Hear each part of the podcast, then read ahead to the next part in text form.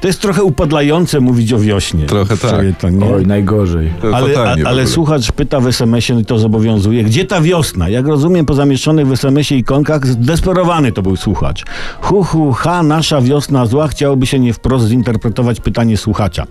Impulsem do zadania pytania, który w sposób szczególny dziobnął słuchacza, był padający wczoraj u niego opad atmosferyczny złożony z kryształków lodu o bardzo różnorodnych kształtach, głównie sześcioramiennych gwiazdek. To gdzie jest ta Śnieg tak zwany. no, dobrze, bardzo Dobrze. dobrze. To, to gdzie jest ta wiosna? Czy ktoś to kontroluje? No kontroluje, ale sobie nie radzi.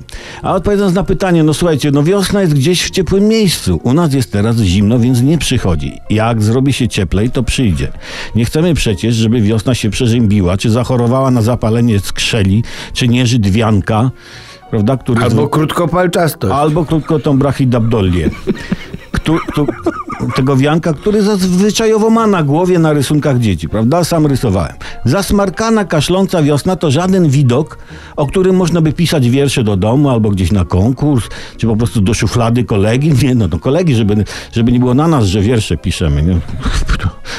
Na, na razie z braku wiosny klimatycznej musi nam wystarczyć wiosna kalendarzowa, która z regularnością szwajcarskiego sera przychodzi tuż po kalendarzowej zimie. Różnica między wiosną kalendarzową a klimatyczną, czyli rzeczywistą, jest taka, że wiosna kalendarzowa wynika z kalendarza, a klimatyczna z klimatu.